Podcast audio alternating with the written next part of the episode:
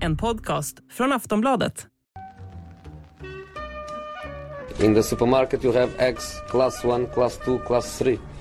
And some are more expensive than others, and some give you better omelets. That's the wrong information.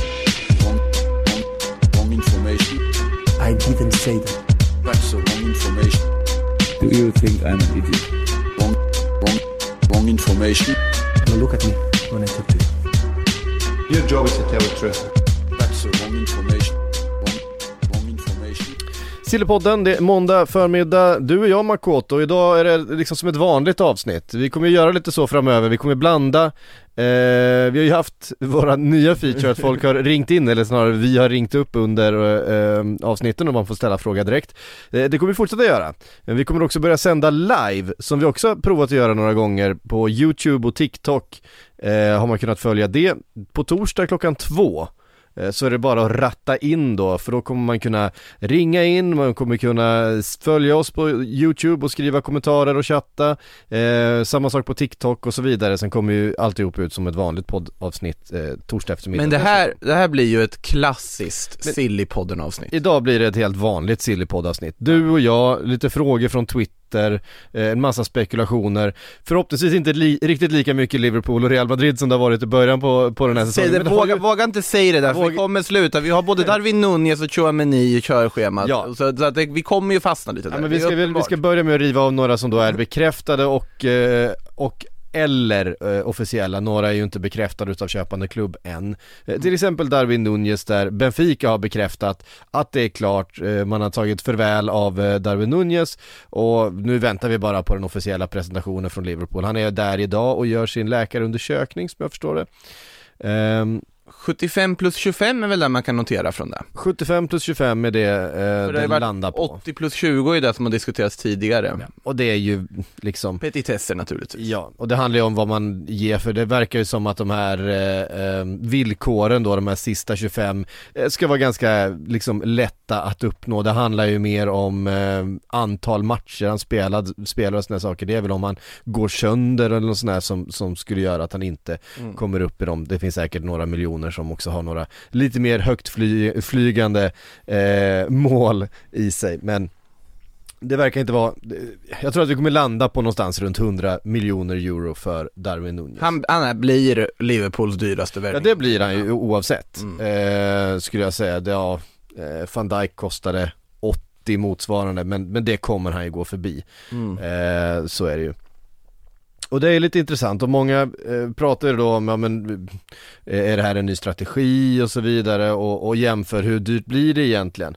Eh, många missar ju den här detaljen med, han får då ungefär 100 000 pund i lön pratas det om, 60 miljoner om året, det är en väldigt hög lön eh, redan nu. Mm. Men det är en lön som får plats i, i den här lönestrukturen som man har. Man ska komma ihåg att Salah vill ha 400 000 i veckan. Ehm, det är fyra gånger mer, där pratar vi alltså en skillnad på ungefär 200 miljoner kronor per säsong i lön mellan 100 000 och 400 000 pund i veckan. Ehm, så det tror jag är jätteviktigt. Eh, det pratas ju mycket om netspend och så vidare, att Liverpool måste sälja för att köpa. Det där är liksom mer supportrar som sitter och lägger plus och minus mellan, mellan övergångssummor. Ehm, I så fall så var Erling Haaland eh, nästan gratis, vilket han ju inte var med tanke på löner, agentavgifter och så vidare som är runt omkring. Eh, och det är ju samma sak här. Det, I det här finns ju också agentavgifter och så vidare men, men för Liverpool tror jag det var viktigare att behålla lönestrukturen intakt än att eh, på något sätt ligga bra till på någon netspendlista. De är nog inte i någon riskzon där, alltså grejen är ju det Ja, man att, har ju en väldigt hög löne, eh, lönepost, eh, eh, Liverpool. Man, man är ju det laget efter Manchester City tror jag som betalar eh, högst löner just nu. Man Det- har största löne. Eh, det är ju rimligt med tanke på att det är de två klubbarna som också är bäst just nu. Det är ju Eh, ofta så, så det, det hänger ihop men, men Det gör ju inte alltid det annars. Så, men i, i det här fallet känns det väl som att Alltså Liverpool har ju skaffat sig lyxen i och med att man är så pass smarta som man är på transfermarknaden att kunna betala det som krävs när tillfället dyker upp. Och Ja. det gör man ju här också. Du Ja. behövde Darwin Nunez, du identifierar Darwin Nunez, du betalar vad som krävs för Darwin Nunez.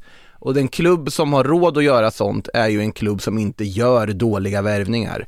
Alltså jag satt och funderade här i samband med, jag vet jag skrev om det i mitt, eh, min lilla analys efter här också som går att läsa på Sportbladet om Darwin Nunez just att Alltså hela garantin för att det här är en positiv värvning är ju att Liverpool gör den för de misslyckas inte med värvningar med den här ledningen de har just nu. Ja, det är Christian Sen är det ju en ny sportchef ska man säga i Joel Ward. men- Fast vi var inne på det förra veckan, han har ju, den kör vi på samma spår.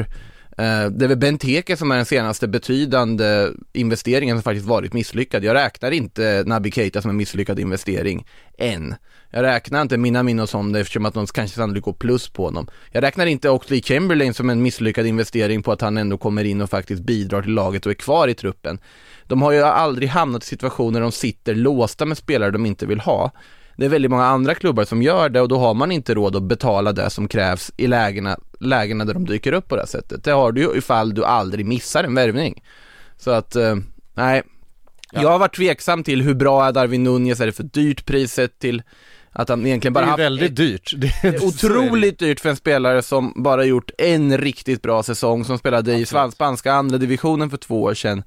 Men sett till vad Liverpool gjort senaste snart tio åren på transfermarknaden så är det faktiskt en kvalitetsindikator när de väljer att spendera pengar. Det säger ju någonting om, alltså vi vet ju att till exempel Benfica också är rätt så eh, långt gångna i, på att i, i sin scouting. De betalade alltså en kvarts miljard för Darwin Nun- Nunez som 20-åring när han kom från spanska andra Almeria ja. Eh, så att de var rätt säkra på att det här var en klassspelare.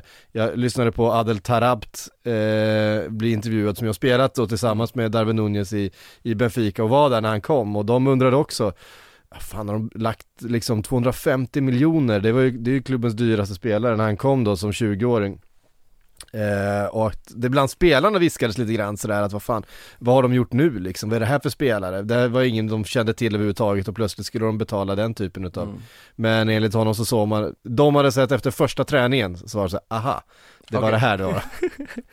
Eh, så är det i alla fall, vi väntar på en bekräftelse där och det kommer dyka upp massa bilder eh, under eh, dagen. Chouameni presenterad då för Real Madrid, vi river av de här två så kan vi gå vidare eh, sen. Ehm, så kan ni sluta spola framåt ni som väntar på annat, för det kommer en massa annat tror oss. Eh, Chouameni bekräftad, eh, motsvarande summa. Ja, det blir ju en 80 plus 20 där, det är väl inte lika bekräftat som vi, alltså det är det som är fint med portugisiska klubbar, är att de verkligen så skriver ut, det här är det som vi får, det här liksom, så det här krävs för det och det och det. Det är väldigt Där är ju också. Almeria inblandade och får ju eh, 20% av den här eh, summan. de, får, de får en slant om också. Eh, men i Chouameni i alla fall som sagt så, ja där är det också lite det här Real Madrid efter att man inte får Kylian Mbappé bestämmer sig, nu är Chouameni vår prioritet, nu lägger vi pengar på honom. Monaco sitter i en guldsits på att några av världens rikaste och största klubbar vill ha honom. PSG jagar rejält och är jätteintresserade av dem också, men Chouameni bestämmer sig själv att jag vill spela för Real Madrid.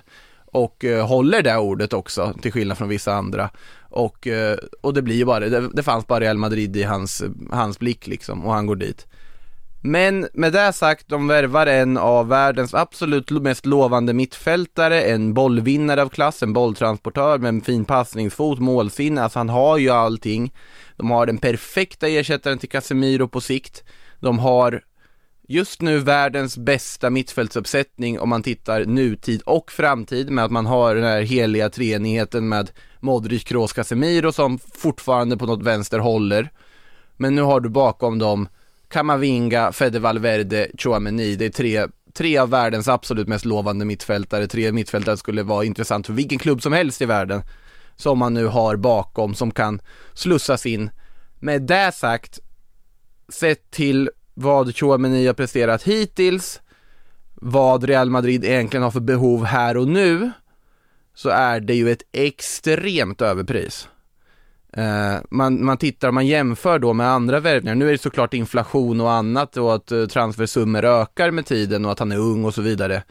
Men Chouameni, om bonusarna klickar in, går, kommer ju alltså vara dyrare än Cristiano Ronaldo.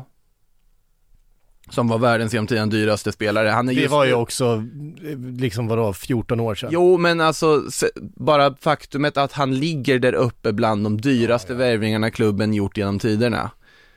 Och då pratar vi Real Madrid.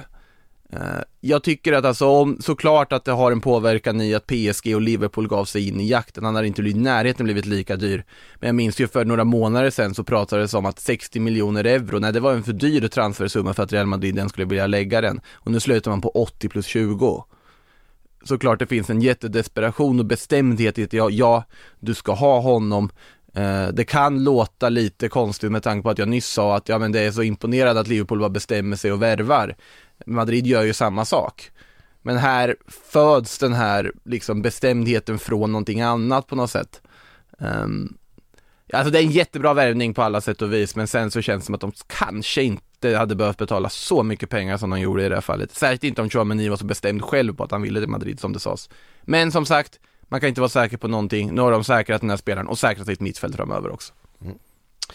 Eh, fler bekräftade grejer, eh, Pochettino lämnar PSG, det här, är- det här är halvbekräftat men de ska vara överens om, eh, om utköpsdetaljerna då från PSG. Det har ju varit typ halvt bekräftat sedan februari egentligen. Jo men så är det ju, och framförallt sen den där förlusten mot Real Madrid i, i eh, Champions League då så har ju alla känt att han är en dead man walking i eh, de parisiska korridorerna. Men ehm, frågan nu då, vad händer med Poch? är nästan den svåraste frågan, och vad händer med PSG? Vart ska Pochettino? Det finns ju inte riktigt en klubb där ute för honom, eller? Juventus pratas det lite om, men vad fan? Ska de sparka Allegri då liksom? Det är en väldigt bra fråga vad de ska göra. att- Ehm, Tottenham var det ju snack om såklart, men nu kommer ju de absolut inte de ska ha eh, Conte. Ja, de kommer ju inte göra någonting där. Eh, Conte är ju sett. Eh, Manchester United har ju precis skrivit med Ten Hag, så det blir ju inte obviously. Ehm, Real Madrid lär inte göra någonting. Eh, som det har varit prat om innan, eh, de kommer ju ha kvar eh, Ancelotti såklart. Barcelona kan man ju inte heller se. Ehm, Milan och Inter, nej jag kan inte se att man, att man gör sig av med Pioli till exempel. Nej, nej, nej, nej, det finns Eh, det, det finns ju inte liksom. Nej, alltså det finns ju ingen tydlig sits att ta. Bayern München kommer ju inte sparka Nagelsmann. Såklart de inte kommer. Nej men alltså Poch får väl... Ska eh, han ta Bay- Borussia Dortmund? Jag tror han kommer ta det lugnt och ta lite ledigt. Alltså, alltså han kommer sitta och ta lite ledigt och bara invänta och se vad som händer. Vi kommer ju såklart få någon tränare som sparkas någon gång, Mm. då kommer han vara aktuell återigen. Eh, han tror inte jag har någon stress att bara stressa fram nästa klubb, utan nu kan han ta lite ledigt. Han har fått en hel del pengar från att vara i PSG. Det kommer inte gå någon nöd på honom. Han kan ägna sig åt sina hobbys, vad det nu är för någonting. Jag har en wildcard, eh, jag har, ett, jag har ett, en wildcard gissning. Vad han skulle ta över? Mm. Han kommer inte ta något nu i sommar, det tror inte jag heller. Just med den här, Nej. av den anledningen att det inte finns någon, något uppenbart stor lag att ta över här och nu. För det är ju ändå på den nivån han är. Om inte Real Madrid hade vunnit dubbel hade jag ju sagt att Real Madrid hade varit aktuellt. Ja, nej men eh, absolut. Och han har ju varit på gång till Real Madrid förut. Exakt. Ehm, hade inte Newcastle haft en sån fantastisk liksom, avslutning på säsongen Hade det varit eh, aktuellt. Med, med Eddie House hade det varit aktuellt Steven Gerrard får sparken i november efter en svag höst Pochettino kliver in och tar över Aston Villa som toksatsar! De, eh, de har uppenbarligen stålarna, de har ambitionen, de ska upp Bekräftat. Vi, vi säger, vi, det, den, den ser sannolik ut tycker jag. Den ser inte otänkbar ut Den är inte dum, eller hur? Den är absolut inte dum för För jag, Det finns inget sånt, alltså att Steven Gerrard har en liksom svagare höst, det vore inte konstigt alls. Han är en, en, en orutinerad tränare för en, en sån satsning. Eh, det har vi sett förut. Ja, Pochettino in, framförallt om man vet att Pochettino finns tillgänglig. Då krävs det ju inte sådär jättemycket, då är det ju liksom en tidig utgång i någon av, alltså i ligacupen, man åker ut mot något Championship-lag, man ligger tia i ligan. Eh, ja men ut med Stevie G och in med Pochettino. mm. Nej det, det, det är inte otänkbart som sagt. Det hade Ja, det är min, min dark horse gissning. ja, Eh, den är det, ska vi slänga in Everton? Ja, Ja, alltså Everton har stora problem, jag tror inte att de, De, kan, har inte råd i de för kan inte locka med ett, med, ett spän, med ett projekt på det sättet. De här och nu måste ju simma eh, vi ska för heller att hålla sig kvar. Det ja det känslan. är sant. Vi ska heller inte utesluta att Conte får tappar det och drar i oktober för att han är sur. Nej, det, den, den, Den- den, risken finns ju Den risken finns alltid med Antonio. Conte. Vi ska inte utesluta att Real Madrid går katastrofalt nästa säsong och att Ancelotti ryker i oktober. Hur länge har, hur, hur många säsonger, eller hur mycket har förtroende tror du Simeone har kvar hos Atletico? Där har du en bra, bra punkt också, att den är inte otänkbar heller. Alltså, då ska det, då ska det vara tydlig tanke för Atletico att nu ska vi spela en helt annan fotboll. Eh, det tror inte jag riktigt Atletico har, men att Simeone sitter väl inte jättesäkert om resultaten skulle fortsätta gå ganska svagt. Då kan det absolut börja tisslas och tasslas där. Ja för det är ju inte bara resultaten, det är faktiskt spelet har ju sett eh, Det har varit bedrövligt. Ja, det är en av säsongens stora besvikelser Atletico. Ja, det är ändå de väl, alltså inför säsongen när den bred, känner att de har den bredaste truppen på något sätt nästan går in i den här ligasäsongen som favoriter. Det har de inte varit nära att motsvara. PSG då? Eh, Det kan ju dyka upp ett, eh, ett, ett, ett tränarjobb efter att PSG har gjort sin, sin eh, eh, rekryteringsrunda. Det pratas ju mycket om Zinedine Zidane, det är deras, det är deras drömnamn. Det råder ju ingen tvekan om. men nu, nu, nu får Macron ge sig. Alltså vad, vad håller han på med? Nu, nu, skulle han ut här och bara också konstatera, ja nu, nu vill jag ha Zinedine Zidane, han borde ta över PSG. Sluta Macron, bara det räcker nu. Alltså, ehm, han är från Marseille. Ja, jag vet Han ska inte uttala som PSG överhuvudtaget om det inte är i samband med en svordom. Ja, det, det, är, det är orimligt. Och sen så kom plötsligt ganska massa uppgifter från franska håll att Zidane faktiskt var överens med PSG. Sen har det ju andra trovärdiga uppgifter sagt att nej, Zidane säger fortfarande nej, jag vill inte ha mer att göra, sluta. Eh, så att vi får väl se vad som händer om, om liksom övertalningskampanjerna slutar med att han faktiskt tar över dem eller inte i slutändan. Han vill ju ha franska landslaget. Han, Ja, vill, men- han, vill, han vill liksom vinna en stor, ett stort mästerskap med franska landslaget. Eh, det är ju hans dröm. Ja, alltså absolut. Han sitter och väntar på att eh, på att Deschamps på något sätt ska få sparken. Nu sitter ju Deschamps sitter ju säkert och har gjort ett kanonjobb där liksom. Så att, Ja, men också så här att man sitter och väntar på att Deschamps ska misslyckas med det här materialet, med de här spelarna som man har. Men det bara kommer nya liksom superstjärnor hela tiden, alltså det är Frankrike helt sanslöst. Fra- Frankrike har ju, alltså de skulle kunna ställa upp fyra landslag som man alla skulle kunna se att, ja men det här skulle kunna gå långt i vilket VM som helst. Alltså jag vill nästan sträcka mig så långt som att Frankrike skulle kunna dra tio startelver som skulle kunna eh, konkurrera om att typ om vi, ska, om vi ska använda en eh, parallell som är ganska aktuell idag, liksom ta sig upp i A-gruppen i Nations League om vi säger så. Ja men det är bara det att såhär, Laporte, ah, han får spela med Spanien för det finns ingen plats i Frankrike. Det är, så, det är så att Spanien är ett dåligt landslag liksom. Och det säger väl i och för sig en del om kvaliteten på spelare som Chouameni, att han ändå har slagit sig in i A-landslaget. Ja, verkligen. Herregud. Eh, Och det ska ju sägas också. Ja, och, och han har ju precis då köpts för en miljard till Real Madrid så att det är Ja, inte... ja, det, nej, det finns otroligt mycket så att det, det är klart att Deschamps kan lyckas med, med eh, det franska landslaget utan att vara eh, göra allting rätt om man säger så. Mm. Eh, så att han kommer nog vara kvar så länge han vill på något sätt. Men det, ja, ett fiasko å andra sidan med det här materialet, då, eh, då blir det liksom fallet desto större jag tror ju fortfarande Zidane väntar på en tredje runda i Real Madrid ja. Du, Han- sitter och hoppas. Nej, jag vet inte. Det, alltså, man orkar inte tredje runda också. Det blir ju exakt samma sak. Varje match är en final kommer han säga och så jublar alla. Mm. Och, så, och så blir det som det blir.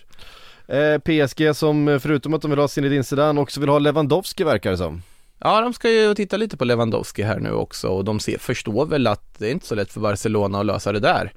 Eh, Lewandowski är ju väldigt inställd på att eh, lämna Bayern München. Bayern München säger fortfarande att han absolut skulle kunna stanna och att det inte är uteslutet att han stannar i klubben.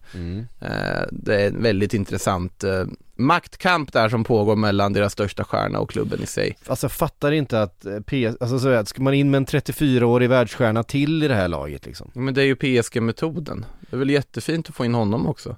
Lewandowski, Mbappé, Neymar, Messi.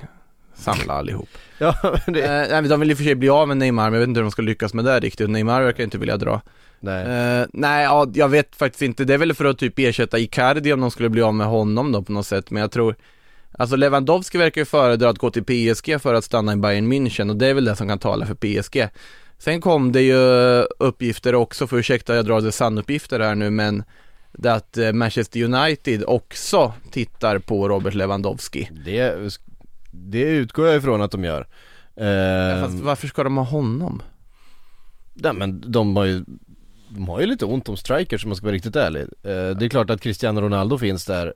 Men Lewandowski är väl kanske inte den mest hårt jobbande forwarden heller. Nej, det är han ju såklart inte. De Eh, har ju redan en spelare som är exceptionell på att stå rätt och göra mål i form av Cristiano Ronaldo. Då finns det ingen anledning att byta ut honom eller skaffa, skaffa en till som har sin styrka i att stå rätt och göra mål. Eh, jag förstår inte riktigt varför United ska lägga pengar på Lewandowski i det här läget. Men ja, det uppges i alla fall att de ska också fundera på att försöka hijacka det här från Barcelona. Barcelona som inte har råd egentligen. De vill men det finns ju en, pengar. men nu verkar det ju ändå som att eh, allt mer tyder på att det blir en eh, Ja men de ska lyckas presentera liksom eh, spelarna som de har skrivit kontrakt med redan också. Ja men Sergio Roberto är ju kontraktförlängning presenterades officiellt, så de har ju tagit ett steg på vägen i alla fall. Ett steg på vägen. Ja. Eh, Kessie ska de ju också Ja, det, presentera. ja, och Christensen och Christensen har ju presenterat att han ska lämna Chelsea, så då inväntar väl kanske att Barcelona ska presentera att han Dessutom finns ju då ehm, både Aspilicueta och Alonso eh, bud att ta ställning till. ehm, Jag förstår inte Alonso-jakten. nej, nej, det gör inte jag heller.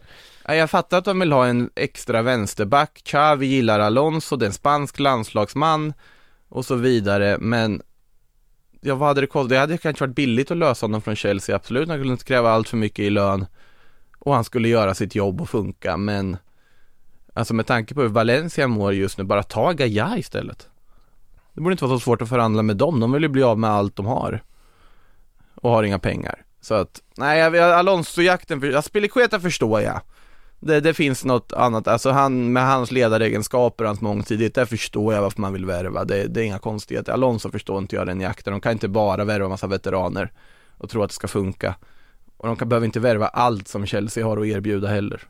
Nej, precis. Ehm, mer bekräftat. Vi Ehm, är fortfarande på bekräftade, ja det är vi kanske va? Ja men vi, vi, är en liten avstickare. Vi kan prata lite mer Frenkie om, det ska en, vi göra, ja. eh, om en stund där. Jag vill bara få in att eh, Gravenberch eh, till Bayern München är klar. Ja, han, han har sagt att det är klart, han har ju till och med åkt till München eh, Salihamidzic har sagt att det är klart eh, och därmed, det har, vi alla vet att det är klart sedan typ mars men eh, så att eh, inte bara Madraoui som är presenterad utan även då Ryan Gravenberg till eh, Bayern, det är en jättebra värvning, lite under radarn för många tror jag men eh, man använder ju sig då av en utköpsklausul, värvar honom för ett fyndpris i sammanhanget måste sägas. Det är väl 19 plus 7 de betalar har jag för mig. Eh, och det är en av, eh, en extremt lovande mittfältare, en av de bästa i Eredivisie förra säsongen. Mångsidig som få. Uh, Nederländsk landslagsman, jag tycker det är en kalasvärvning av Bayern faktiskt måste jag säga och uh, förvånar att de fick genomföra den så ostört som de ändå, ändå fick i det här läget. Det ska bli spännande att se hur mycket han kommer användas och vilken, vilken roll han kommer få i det här Nagelsmann Bayern nästa säsong. Mm. Ehm, nej men verkligen. Bayern München är ju svåra, alltså nu eh, lutar ju allt mer åt att Mané kommer bli klar De här ganska, det, de ganska strax det. Mm. efter att Darwin Nunez ska, ska bekräftas och sen så ska eh, Mané bli klar. Det verkar ju som att eh, de senaste uppgifterna om att ett, ett bud som motsvarar det Liverpool vill ha är på väg. Eller åtminstone är närmare där Liverpool Ja. vill ha. De, eh, men ett bud som de flesta bedömare verkar överens om kommer räcka. Ja. Eh, ska vara på väg in och Bayern är också överens med Mané om hans personliga kontrakt. Och han vill till Bayern och Han vill- Liverpool är inställda på säga allt, ja det kommer ske. Ja, det är också två klubbar som eh, jag tror eh, i slutändan, även om det där budet som rapporterades, vi- sen är frågan hur mycket som var sant i det och som var liksom så här. Ja, det var ändå trovärdiga uppgifter på att Det var det ju. riktigt. Men det känns som, det känns som två klubbar som ska ha ganska lätt att komma överens. I det här sammanhanget när alla på något sätt vill samma sak så kommer de ju komma överens. Så är det.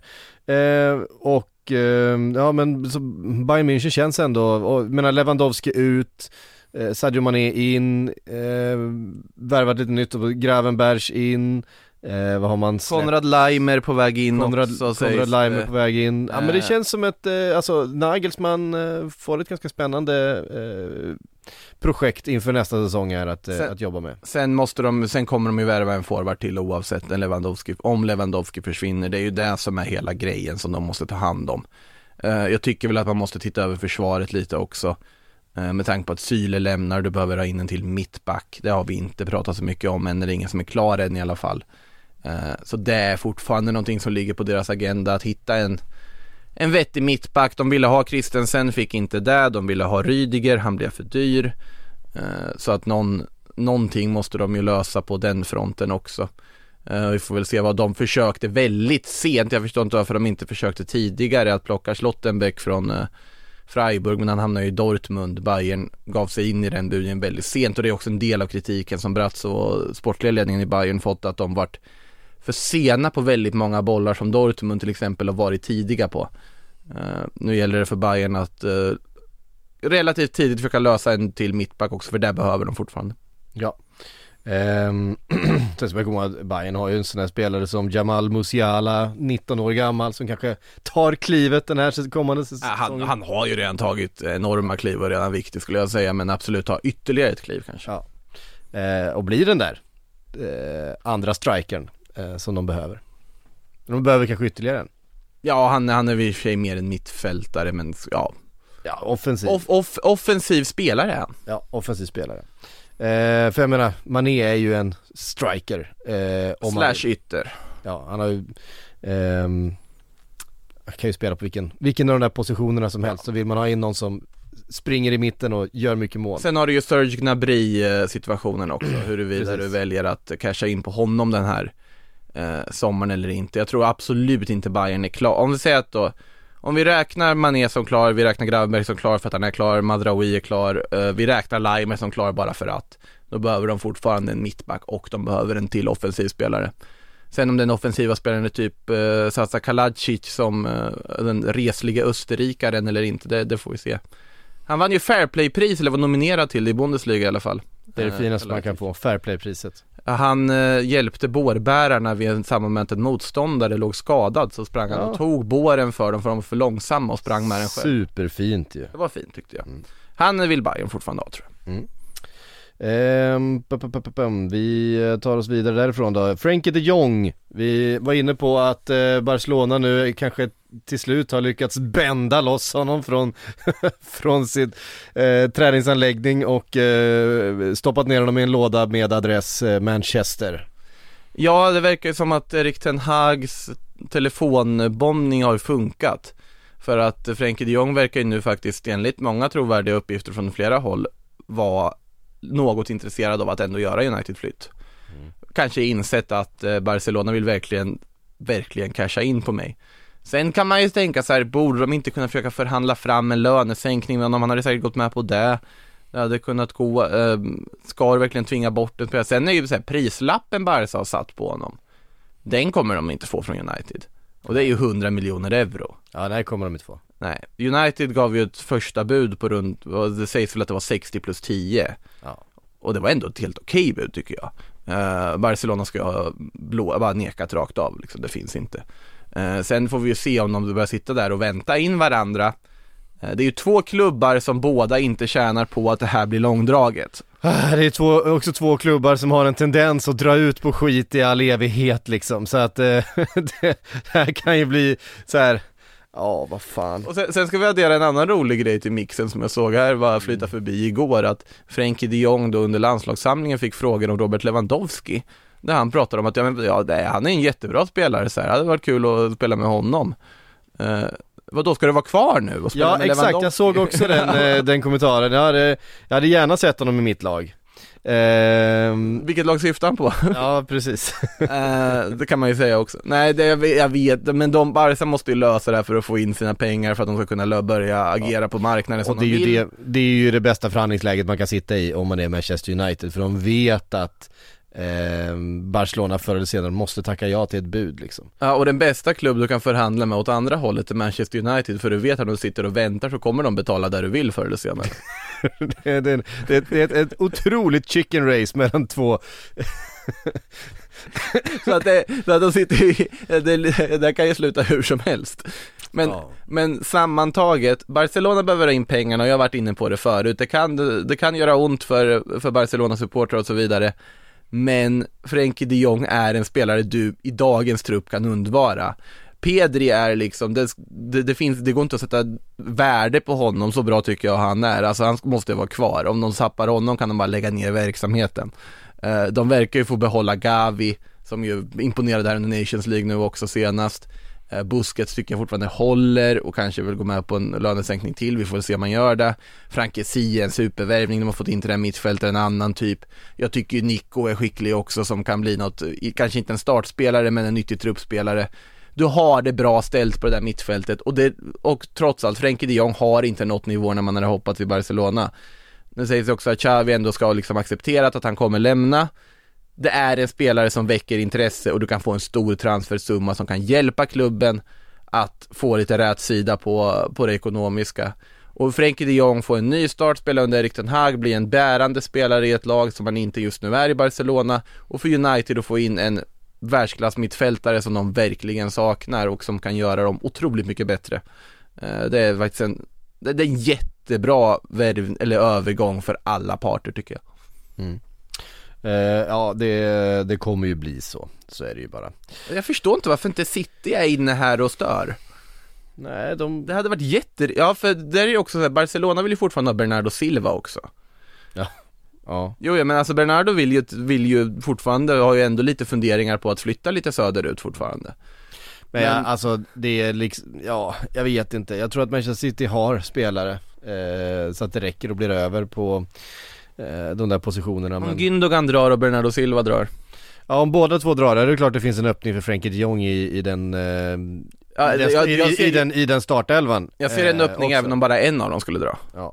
ja men för att, jag menar Rodri flyttar du inte på, Kevin De Bruyne är ju där och, och, och är Kevin De Bruyne liksom Men Ja. så finns ju en position till då Ja. på det mittfältet eh, Om det så Hade är... inte Frenkie de Jong där varit ganska bra.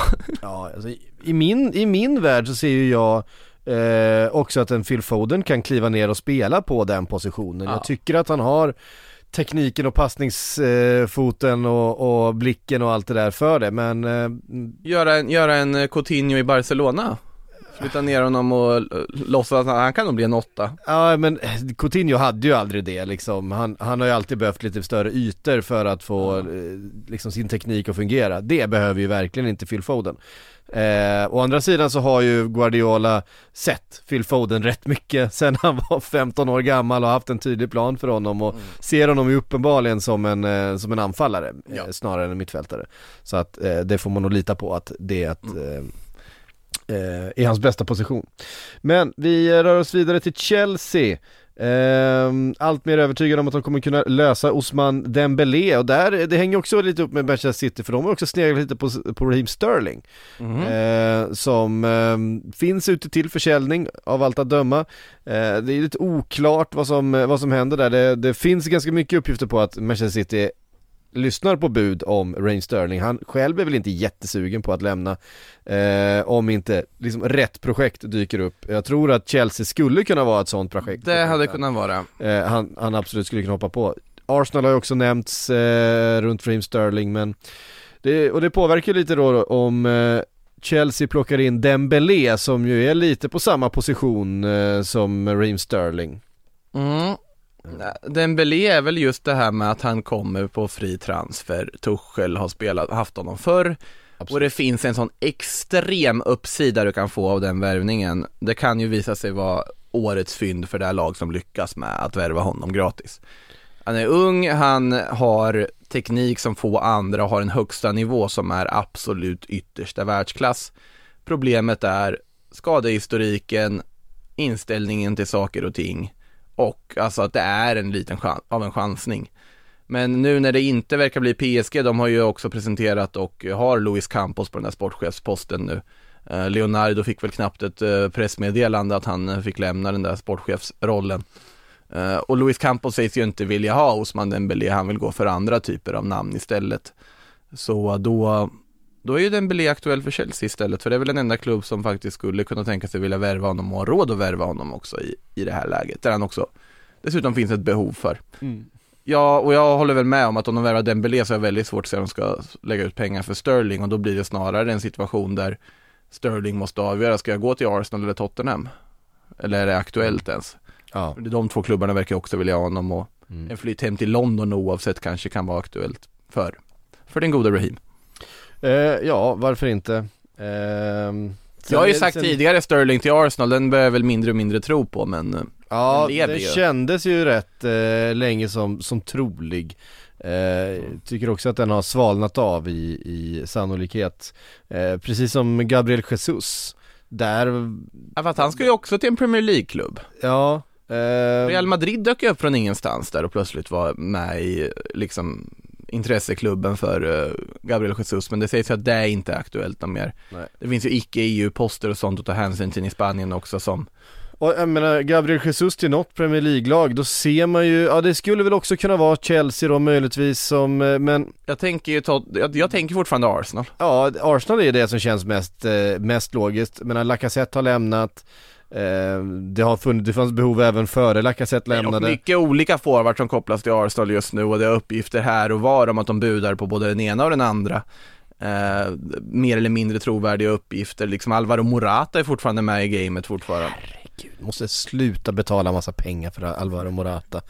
Det finns nog ingen som har varit så lite bang for the buck genom åren som, ja det skulle vara Lukaku i sådana fall som, Luka- Lukaku gör, Som säljs- kämpar hårt för att liksom nå upp till det. som säljs för en miljard sådär var tredje säsong. Ja, fast Lukaku har ju också, som sagt, det är ju mycket större transfersummor det handlar om med Lukaku. Alvaro Morata i och för sig också, värderingen han har satt på ibland är ju helt men det är ju Chelseas fel att de betalar de pengarna. Det var ju mest briljanta försäljningen Florentino Perez någonsin gjort det, att lyckas kräma över 80 miljoner euro för Alvaro Morata. Genidrag. Eh, och sen så har det ju gått på den vägen när nu sitter han på så här konstiga låneavtal där du måste förhandla med Atletico Vem Juventus. tillhör han egentligen? Atletico Madrid. Han tillhör Atletico Madrid. Ja, men han har varit, han har, Juventus har hyrt in honom i två år, Ja. så de har ju betalat en sorts hyra per år. Och sen så har det ju där liksom dragit ner då utköpsklausulen varje år på att de betalar ytterligare 10 miljoner euro i hyra per säsong. För att utköpsklausulen från början låg ju helt hutlöst högt. Nu vet jag inte riktigt hur Juventus resonerar, men de verkar inte vilja betala det som, alltså på pappret krävs för Morata. Och då är ju inte Morata heller helt utesluten och typ hamna i Barca fortfarande heller, för Barca vet ju inte om de lyckas lösa Lewandowski. Nej. Eh, och Arsenal är som sagt med, det pratas ju ganska mycket forwards, eh, även resliga forwards. Jag skulle inte utesluta att även om man plockar Gabriel Jesus så kanske man även vill plocka någon mer, alltså ja, så här, liksom target-aktig forward alla Alvaro Morata eller Scamacca möjligtvis från eh, Sassuolo som det pratas väldigt mycket om till alla Just möjliga det, klubbar. Skamacka är det många som är intresserade av. Eh, Där nämns ju också eh, typ PSG och ja, all- alla, alla möjliga nämns ju med Skamacka. Mi- Milan ska ju ha börjat agera dock på grund av det, att de ska börja erbjuda spelare i utbyte och sånt för att försöka lösa Scamacca. Det jag tyckte jag att det var en bra värvning för Milan, om de skulle fixa honom. Jag tror att han hade passat ganska bra. Juventus kommer säkert få med eftersom att den spelare från Sassuolo som sagt, så att eh, Ja precis, ja, men de, de italienska klubbarna har ju alltid den fördelen att är det, är det en liten italiensk klubb så finns det så mycket leverage till olika håll att, att Ja. fixa och trixa med dealar och det är lån hit och det är någon spelare där och ett par juniorer i, på någon lån till någon eh, samarbete, alltså du vet tjänster och gentjänster. Det är väldigt Wow. mycket så Ja, Men 1,95 det är ju liksom en, eh, tatuerad som få.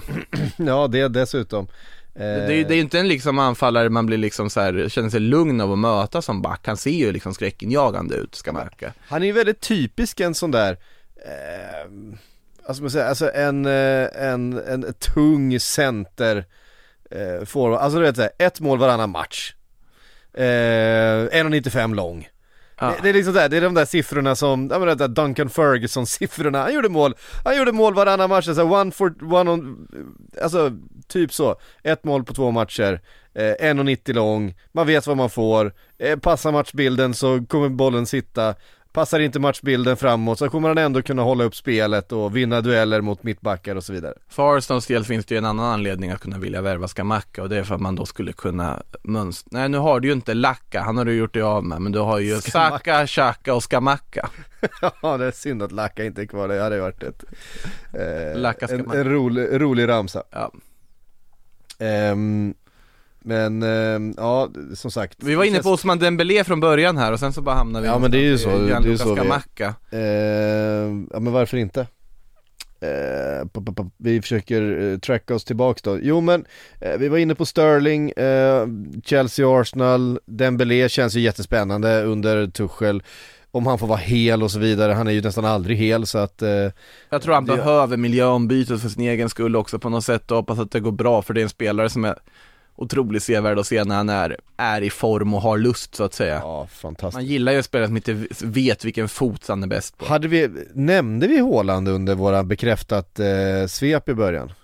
Jag tror inte vi gjorde det, men ja det är officiellt nu med Det är officiellt, ja, men det har, det har ju varit så länge En av världens bästa forwards har gått till Manchester City är officiellt, men det, alltså, det var ju typ varit- officiellt på att de var överens liksom. Ja men det har ju varit klart i så många veckor men nu är det ju liksom presenterat och en eh, kort presentationsvideo också och såklart då en möjlighet att spela på lite nostalgi, någonting som I Manchester videon, City har eh, lite ont om kanske. Jag, jag kan inte riktigt, jag, jag stör mig lite på det här när man ska presentera officiellt att de är överens om en transfersumma, för det gör det så luddigt i när en spelare är klar då. Eh, för vi har ju, då blir ju inte samma effekt av att han presenteras nu. Nej, så är det ju. Eh, när, när det har varit klart i tre veckor. Ja. Eh, ungefär. Så att, eh, ja, han är i alla fall bekräftad. Eh, Han är presenterad för Manchester City och har skrivit på kontrakt och hela köret. Ehm, Tottenham Mm. Vi var inne på det att eh, de var intresserade av Sterling, att de har varit intresserade av Gabriel Jesus. Eh, Richarlison är en spelare som Everton eventuellt kommer bli tvingade att sälja. Man ska komma ihåg att Everton alltså har gått med miljardförlust tre säsonger i rad. Kommer ifrån en situation där man var bara, ja hur många minuter var det? 120 minuter ifrån att eh, Åka ur. åka ur ligan. Alltså det är mm, en bedrövlig säsong såklart. Eh, man har Frank Lampard inne som tränare.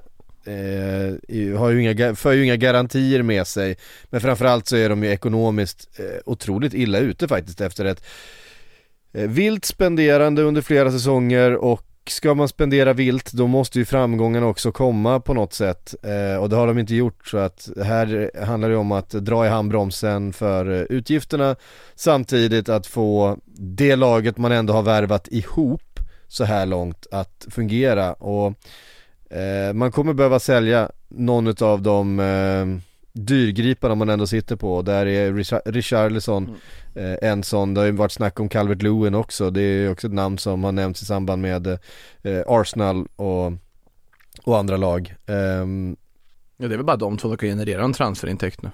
Alltså vem skulle de annars kunna sälja? jag tror att de skulle kunna få lite pengar för Ducoré.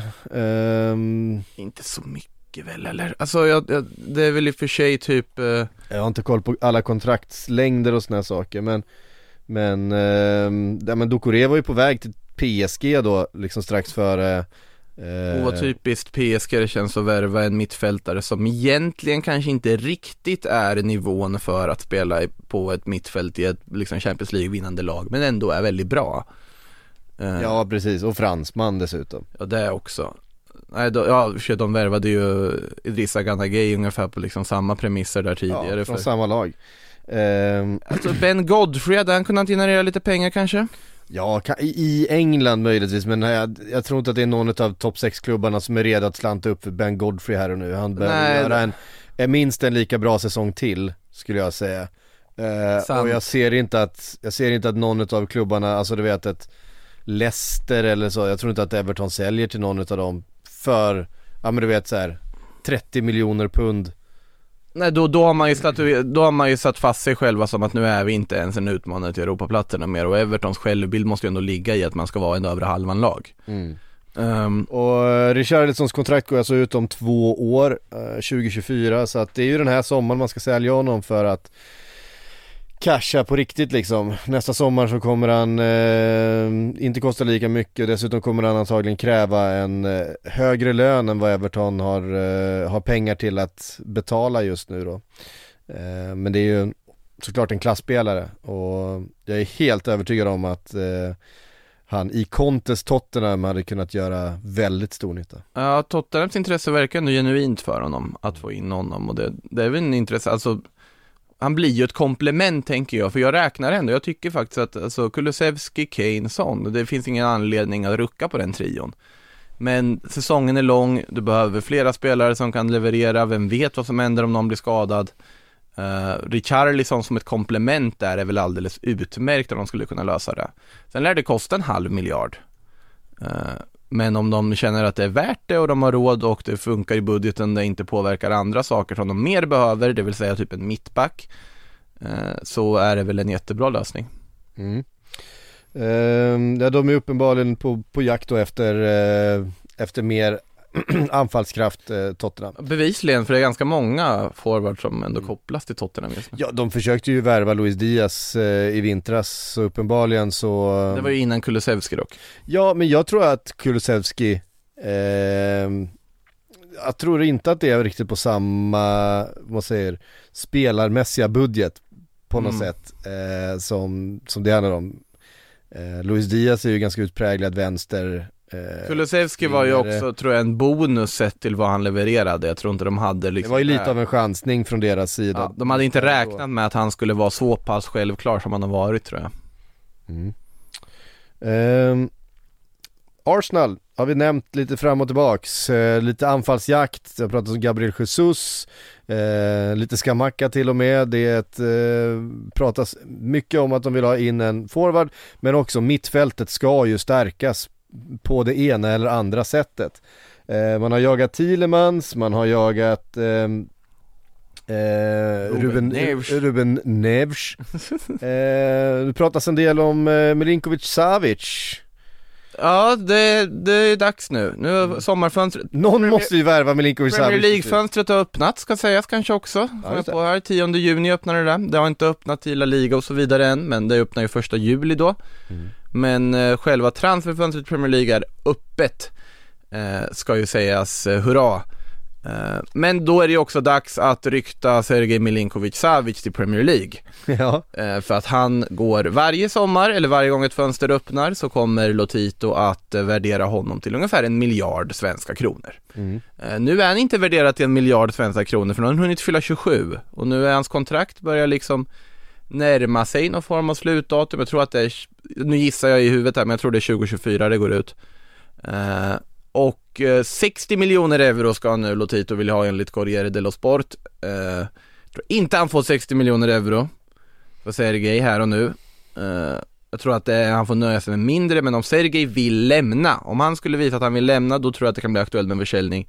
Problemet är att Sergejs eh, världsbild eller självbild är ju också att han ska gå till en, alltså han ska ju ta ett steg uppåt. Mm. Eh, jag tycker i och för sig, Lazio till Arsenal idag är ett steg uppåt. ja absolut. Lazio till Newcastle är inte ett steg uppåt, det pratas om Newcastle också. Jag förstår för de är intresserade. Verkligen. Jag kan förstå för Arsenal är intresserade också för att jag tycker att han har varit jättespännande att se på det här mittfältet. Det är en jätteskicklig mittfältare som hade kunnat göra otrolig nytta för dem. Ehm, En uppgradering på Granit Xhaka. ja, för nu, alltså Ruben Neves kommer ju bli för dyr, tror jag. Det, det är helt hutlösa summor som det pratas om att Wolves kommer kräva nu och det tror jag varken United eller Arsenal har råd med. Eh, Jag tror att det kan, det, vi märker vad Wolves Hur fungerar det med agentavgift just runt Wolves-spelare? Det är ju den lilla detaljen också. Eh, det här med att sitta på flera stolar. Det är den lilla detaljen såklart. Thielemans är ju billigare att lösa tror jag, men sen får vi se om Thielemans verkligen vill till en CL-lag eller inte. Mm. Men han kommer ju flytta på sig Thielemans, så jag tror fortfarande att det mest troliga är att Jordi Thielemans spelar i Arsenal. Det, det är min gissning i Mm. Det tror alla jag fall. också. Eh, Jag tycker den känns rimlig för alla parter, det är en kanonvärvning av Arsenal om de får igenom den. Eh, för honom är det ett steg uppåt, han får en viktig roll och så vidare och så vidare och så vidare.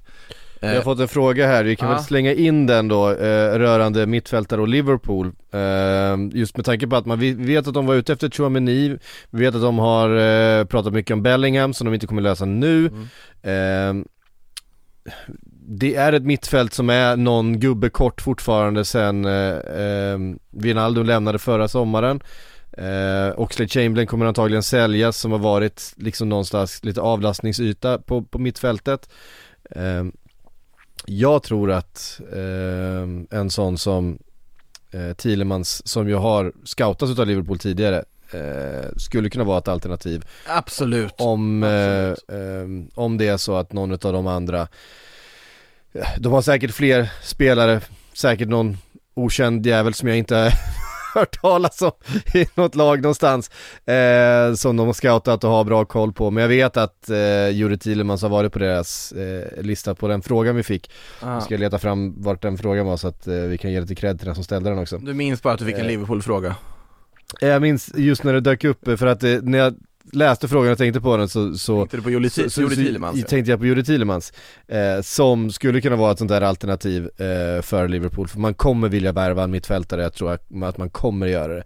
Samtidigt så kommer man inte betala en miljard för en spelare till den här eh, sommaren, vilket innebär att Bellingham är... Eh, där är också det, Gravenberg är en sån som jag inte förstår varför inte Liverpool bara tidigt kände att men här har vi någonting. antagligen för att han har varit eh, på G till Bayern München länge och att eh, det har varit hans mål. Ja, eller att de har identifierat något som de inte tyckte liksom lockade så mycket. Ja. Jag vet inte. Men, eh, Jag vet inte. nej men om vi går till, alltså just, just Arsenal-mittfältet där så, alltså jag tycker, alltså om det så är Thielemans, Neves eller Sergej så är alla de tre är ju jättebra lösningar. Mm. Eh, De är inte allt för gamla, de är eh, skickliga och tillför någonting som Arsenal-mittfältet saknar. Eh, Och de skulle fungera som bra komplement till Partey. Partey som inte längre heter Thomas Partey. Nähä, Nej, han har bytt namn. nämen. Eh, så det är, det är inte No Thomas, no, ja, det är No Thomas men det är fortfarande Party. Eh, så att, eh, men jag ska, jag minns inte exakt vad det var han hade bytt till, eller han, rättare sagt han väljer att tilltala sig själv med istället. Eh, det ska vi ta reda på. Nej, eh, det här verkar vara en, eh, en anka du. Han har inte bytt namn. Är det en anka? Ja. Ehm, det var flera, så här skriver, så Jakobo här, skri, så här skri, precis, så här skriver Daily Canon. A number of major outlets reported that Thomas Partey has converted to Islam, Islam and changed his name to Jacobo, but Arsenal man was merely having a laugh. Han har, han har, Aj, aj, han har, aj, aj, aj. han har trollat folk. Det har han. Ja, Talksport drog ut det här för fyra dagar sedan. Ja, Daily Mail har ju också dragit hårt på dem. Eh, Jakobo Partey var det De gillar ju, gillar ju att ragebaita på muslimer i, Daily Mail. Ehm, Nåväl. han har själv skrivit på, på Twitter så här. Eh, Ey Charlie, I was enjoying it but now I'm back to Thomas again och gråtskratt smiley. Eh, Ja. har han själv skrivit på. Så No Thomas No Party gäller fortfarande. Det verkar gälla fortfarande. Bra. Förlåt. Eh, men som sagt, eh, jag hade också gärna sett eh, Milinkovic Savic i, i eh, Arsenal. Jag tror att det hade varit den kvalitetshöjaren faktiskt som du, som du rör sig om, som de behöver. För att, jag menar, Granit Xhaka i all ära, eh, to, alltså El Neni i all ära, alltså du vet, det är som, det är, det är bra fotbollsspelare, jag är kanske inte så övertygad om El Neni även om han hade ett par bra eh, matcher Bra truppkomplement där. Ja, precis. Och Granit Xhaka är ju vad han är, han är ju en, eh, en, eh, Vattendelare. nej han är ju inte ens det Han är ju ett, han är ett, van, han är ett vandrande kaos Eh. Jag tycker ändå han är en vattendelare också. Ett eh, kaotisk vattendelare. Ja, nej men det, han är ju fascinerande på så otroligt många sätt men det är klart att det finns bättre mittfältare där ute än, eh, än Granit Xhaka och Milinkovic Savic är ju en utav dem Så att, eh, det hade varit jättespännande Juri Thielemans är också en utav dem, så nästan oavsett vem utav dem det blir så blir det en uppgradering för Arsenal och på en position där de behöver eh, uppgraderas. För jag tycker backlinjen ser fin ut, målvakten har man på plats, nu pratas det om att man ska sälja Bernt Leno eventuellt till Fulham. Det Ehm, tycker jag man har råd med. Du plockar ju in en amerikansk landslagsmålvakt som redan är klar. Som väl funkar som andra fiol i sånt fall. Absolut och ehm, Bernt Leno är ju lite för bra för att sitta på Arsenals bänk ändå, även om jag har varit ganska kritisk mot Bernt Leno att jag tyckte inte att han var speciellt bra sista säsongen före de köpte in eh, eh, Ramsdale och det tyckte uppenbarligen inte Arsenal heller eftersom de köpte in Ramsdale. Eh, å andra sidan har ju Ramsdale då varit riktigt bra så Eh, rimligt att sälja honom och, och Fulham behöver uppenbarligen en, en rutinerad målvakt nu när man ska eh, försöka eh, rädda ett kontrakt i Premier League. Det brukar, man, brukar vara svårt. Matt Turner heter den amerikanska landslagsmålvakten ska jag lägga till också. Även Chelsea har väl värvat en, eh, en målvaktstalang va? Ja, där Chelsea slåss med Real Madrid om att värva Slonina som ska vara en framtida amerikansk eh, stormålvakt tydligen. Eh, så att det är, det är en kamp mellan de klubbarna. Det var väldigt mycket nära att det blev Real Madrid där det skulle vara klart. Men nu ska det vara Chelsea som på något sätt gått om här och ska vara närmast att lösa den övergången. Mm. Eh, Om de skulle lösa Slonina så tänker jag att då då måste väl Kepa röra sig. Ja, det, det känns ju som att han, eh, alltså de måste ju bli av med Kepa. Men Jag, jag, jag, är- men jag är så liksom, jag är lite tveksam till att värva en art. Basken. Jag är lite, ja, alltså det har varit briljant av Atletico, men de har ju Unai Simon. Varför ska de byta ut Unai Simon som är spansk landslagsmålvakt mot Kepa för? Nej. Eh, nej, alltså jag är lite så här tveksam till det här med att värva in en 18-åring och ha som andra fjol, men det kan väl vara träningsmiljön är så pass bra att det kommer utvecklas ändå. Men de behöver sina matcher. Anledningen till att Madrid ens är på marknaden för en andra målvakt är för att eh, Lonin som de har varit väldigt nöjda med, även om man inte spelat så mycket, eh, kanske ändå vill flytta på sig för att få lite mer ordentlig speltid. Och då har man ju haft en ung lovande andra målvakt väldigt länge. Att man skulle ta in Slonina som andra målvakt istället, så har du ju en ny ung talang som knappt kommer få se dagsljus för att Courtois är före. Eh, Men i och för sig också gå under Courtois ett år tror jag inte det blir sämre av direkt heller. Men det verkar ändå vara Chelsea som plockar honom nu, så då blir det att han får gå under Edouard Mendy, vilket inte är fy skam det heller.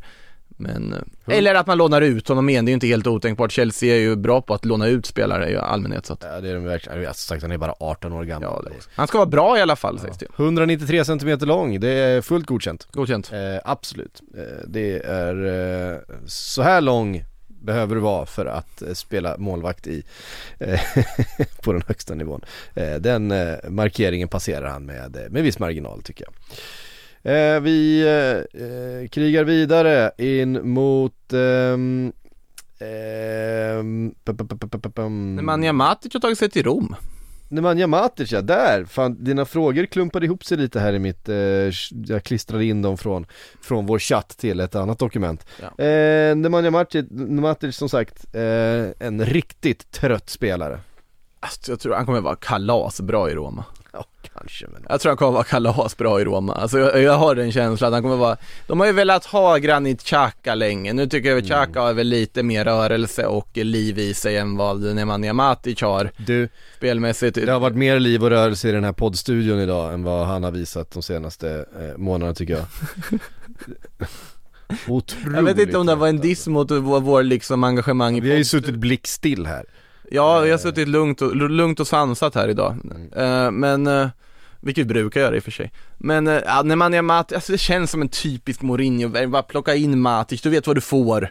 Ja, ja, Han kommer in där och stabiliserar och så har du ju, det, det är mycket vinnarskallar på det där mittfältet i Roma nu också. Eh, Matic där, jag ty- tyckte ju värvningen man gjorde här i vintras av eh, Sergio Oliveira var alldeles strålande.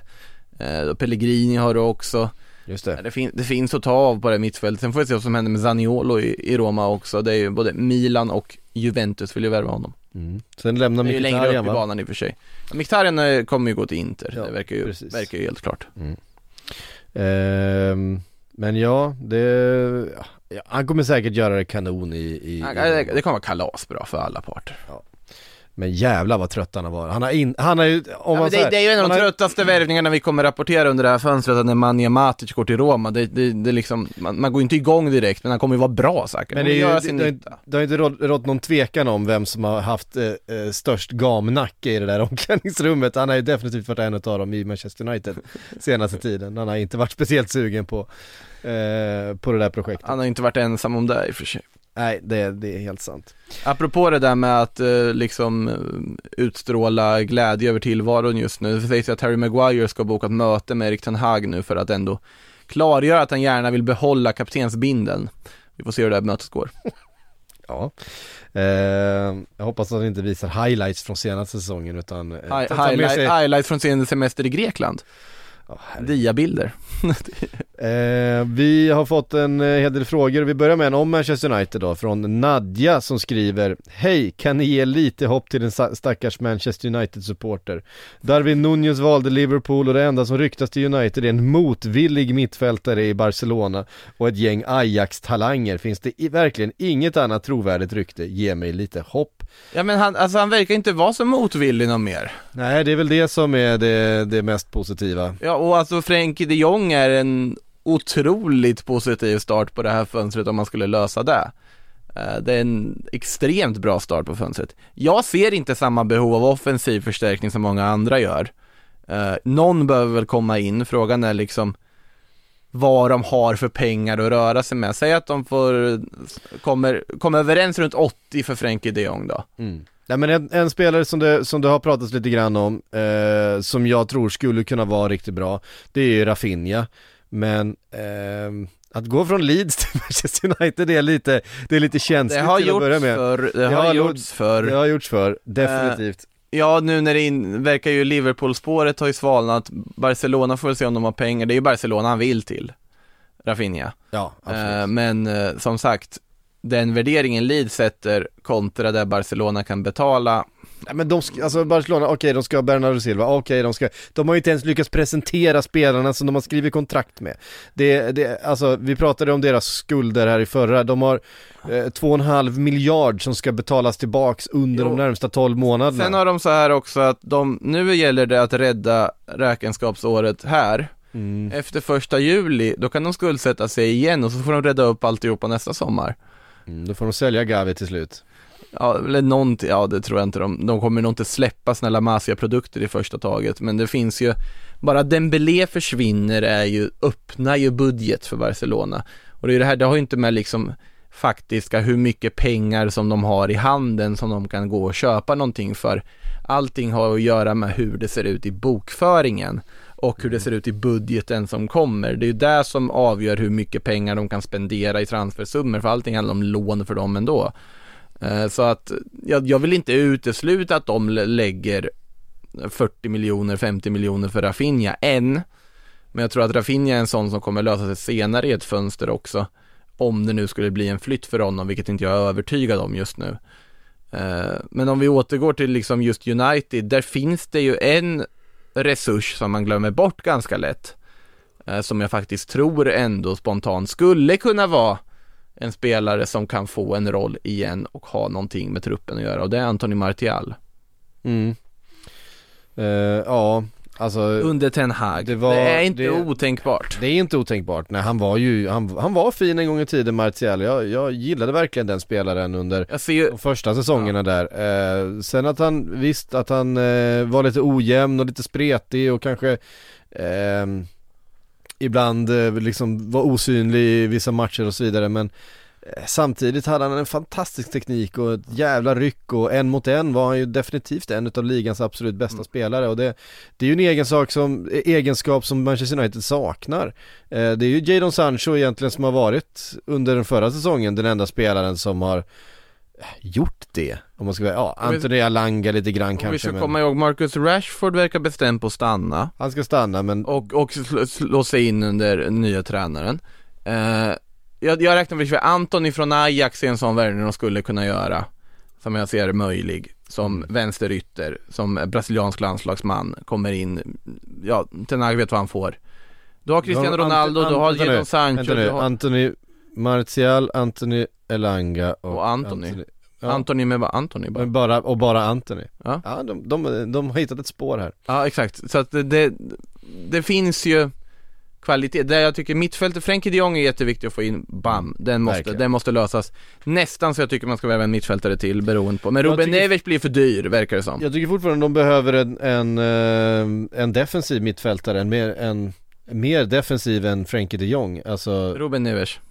Ja, men, Eller defensivare än honom tänker Ja, du? alltså de, jag tycker att jag tror ju Fred kan alltså- vara den bollvinnaren, jag tror att McTominay kan vara den bollvinnaren så Ja, länge ju- du får rätt komplement till. Ja men det är ju McTominay i sådana fall för att eh, Ten Hag spelar ju en 4-3-3 som påminner ganska mycket om den eh, fotbollen som Pep och Klopp spelar och då har du en eh, utpräglad defensiv eh, mittfältare Ja, jag- i Fabinho eller i eh, Rodri. McTominay kan vara, alltså kanske inte på den nivån, McTominay kan vara den mittfältaren om man får rätt stöd och liksom understöd runt sig. Jag tror att det, det är det jag menar med både McTominay och Fred som ofta liksom belyses i ganska dålig dager för deras kvaliteter. Eh, jag tror att de kan vara spelare som fortfarande tillför till det här United om de bara får rätt system och det är där jag menar med att Frenkie de Jong-värvningen är så ofantligt viktig. För det är en sån spelare som kommer göra alla runt omkring sig bättre. Han kommer, om han får den roll han fick i Ajax, om det är någon som vet vilken roll han hade i Ajax så är det Ten Hag. som vet hur man ska använda honom på bästa sätt. Jag tror att den kommer lyfta andra spelare runt om, för materialet som sagt, det var ett material som vi inför säsongen tippade skulle ta Champions League-plats. Sen har det inte varit nära det för att materialet i sig har underpresterat.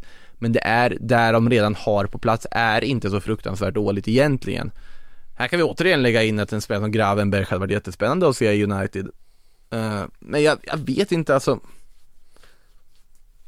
Det är ju mycket man kan argumentera för att de skulle tjäna på att värva, men jag tycker det mest akuta, det som de är mest behov av, det löser sig med Frenkie de Jong och det är någon form av trygghet. Trygghet, kreativitet, eh, motor. Han har ju alla de där egenskaperna, så jag förstår varför de prioriterar det. Lös det, sen kan man börja fundera över, okej vad ska vi hitta på efter det? Eh, Då kan det bli Jurgen Timber och Antoni eller vad det nu blir. Då får det väl bli liksom Ajax, Ajax-tema på den här sommaren. Eh, Men det finns också, man ska inte glömma att det finns kvalitet i den nuvarande truppen också. En högerback vill de väl i och för sig värva med. Ja. De. Ehm, Denzel Dumfries har det pratats mycket om. ja, såklart. Han ska vara öppen för en United-flytt också. Får man se om man kan förhandla med Inter där då. Det är en spännande spelare. Mm. Eh, definitivt. Eh, vi har någon fråga till. Vi har eh, också rörande Manchester United. Erik Fredriksson skriver Chelsea behöver mittbackar och Lindelöf överflödig i United. Skulle inte han kunna gå dit? Tankar på det? Jag skulle inte säga att Lindelöf är överflödig i Manchester United. Eh, inte minst med tanke på Varans skade problematik. Eh, Harry Maguires Problematik. kvalitetsproblematik.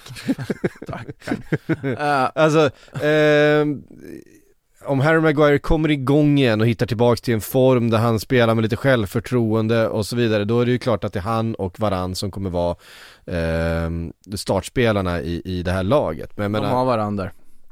vad sa du? De har varandra. De har varann. Fy fan, det, att det tog så lång tid. Eh, men, men Vigge är ju trea just nu. Eh, och så även om det kommer in en, en, eh, en försvarare Jurgen till, Timber. eh, en Jurien Timber då, så kommer ju Vigge få spela eh, fotboll. Det är inte så att han, Ja. jag tror inte att han kommer hamna i en situation som eh, Erik Bajy har varit i de senaste Han är en ledande röst i Manchester United idag. Ja han är verkligen det, han, han har en ganska, eh, han är väldigt nära vän med eh, bland annat eh, de Gea eh, han, han, Det märks att han har tagit en ganska stor plats i det där omklädningsrummet eh, Eh, och att han betyder mycket av den anledningen. Han har blivit eh, kapten i landslaget av en anledning och det är för att han också byggt på ledaregenskaper och sånt som han fått av att vara en ledande röst i United. Så jag ser honom som, alltså han kommer absolut inte flytta på sig nu. Sen vet jag att det i, i vissa Manchester United-kretsar vill att det ska testas att spela honom som den här defensiva Det mittfältaren har jag också hört. Men den, Eh, eh, ja, Det mer... skulle ju till en, eh, en, eh, en galen panna från, från Holland att, att testa en sån grej Sen eh, ser jag väl det som ganska osannolikt men det hade varit lite spännande Vilket ser du som det vackraste så här, försöket att flytta upp en mittback som defensiv mittfältare som har funkat? Som har funkat, ja men Marquinhos eh, Ja, han har ju varit bra när han spelade defensiv mittfältare. Jag minns när Peppe fick göra det någon match. Ja, det var ju Jaha, du menar, du menar mer än, än eh, Ja, bara, bara liksom, ja, det var ju inte långsiktigt, men det var väldigt vackert att se, minns jag.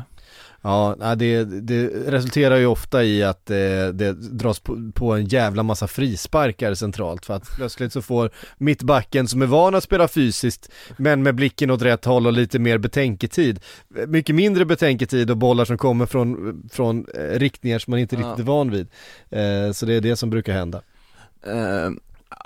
Nej men alltså det finns ju en mittback som, alltså, eller det finns ju flera mittbackar som kopplas till alla de här klubbarna. Jag tror att Pau Torres kommer ju röra på sig.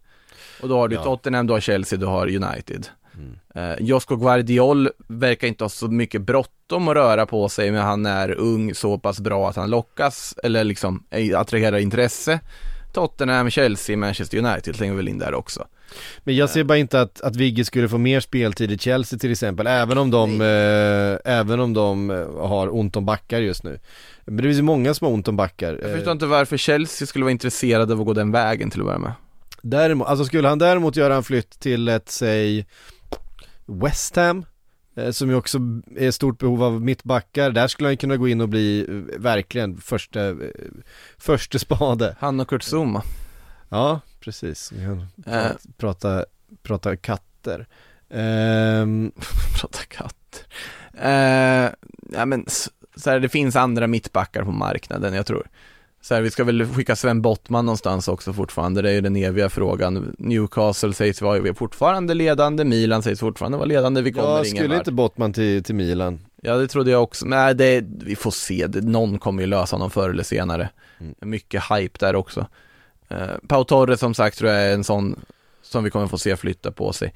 Sen finns det ju ganska många bra, så här, Koulibaly är ju på marknaden, typ. Ja, men Det är han ju också varje sommar. det är ju också varje sommar och vad är han, 30 någonting? Fast han är ju bra. Han är ju fortfarande bra. Han är ju fortfarande bra. Uh, Milan Skriniar ska vi inte räkna bort, för lämnar inte ändå. PSG är ju väldigt måna om att försöka värva honom verkar det som. Verkligen. Eh, Chelsea har ju ryktats vilja ha Kim Pembe. De Ligt verkar ju kunna vara aktuell och köpa loss ändå ifall det skulle bara, det finns jättemycket mittbackar på marknaden. Så att då vi skulle få se flytten Victor Nilsson Lindelöf till Chelsea, den ser jag som väldigt osannolik. Det var det jag ville komma fram till. Tänk att vi har hamnat här för ett par, alltså var det förra eller förra, förra fönstret det inte fanns en jävla mittback att tillgå i hela Europa kändes det som och, ehm, Ja, alltså sen, sen är det som sagt, alltså det är, det är svårt att pricka rätt på mittback. Det är ju det. Alltså man kan tänka sig Koulibaly är fantastiskt nu. Vem vet hur det skulle funka i Premier League? Det kanske blir ett fullkomligt fiasko. Det är inte en garanti för framgång att Antonio Rydiger har gått till Real Madrid. Det kan visa sig bli ett fiasko där också. Det finns ju farhågor där om att så här, Rydiger, jag vet jag, jag tror ju fortfarande det är en supervärvning. Men eh, jag vet att det fanns farhågor där i Twitter-trådar där man skrev om där om att Rydiger och Militao tillsammans vem ska hålla ordning på de två galningarna? Att det kan bli fullkomligt haveri när de två ska få springa fritt och älga runt där. Men, odds, odds på att eh, Rydiger är inblandad i någon slags gruff eh, i sitt första El Clasico. ja, något, något gruff i första klassikot. Jag tror, att det, tar- jag tror att det tar ungefär 20 minuter innan han har knuffat, eh, delat ut sin första bröstvärmare. Eh, oavsett vem det är som blivit tacklad upp på planen så kommer Rydiger vara där och, och, eh, och dra i en tröja och knuffas lite från sidan. Eh, Ja. det, så är det, och det gillar man ju, det, det uppskattar man ju med honom. Alltså, jag har ju saknat Peppe varje dag sedan han lämnade så att det är ju, alltså sen han lämnade La Liga så att det, En shit ja, Eh, det, det, gillar ju det. det är ju vad han är. Eh, hörru du, klockan springer på. Eh, vi är tillbaks eh, med Sillypodd på torsdag. Då kör vi live som sagt 14.00, missa inte det. Eh, det är bara att tuna in och då eh, som sagt, hör av er så, så hör vi av oss till er. Då får ni vara med, ställa era frågor och komma med era synpunkter och kanske eh, vad ni helst hade velat se. Eh, så missa inte det på torsdag 14.00. Men härifrån så säger vi på återhörande.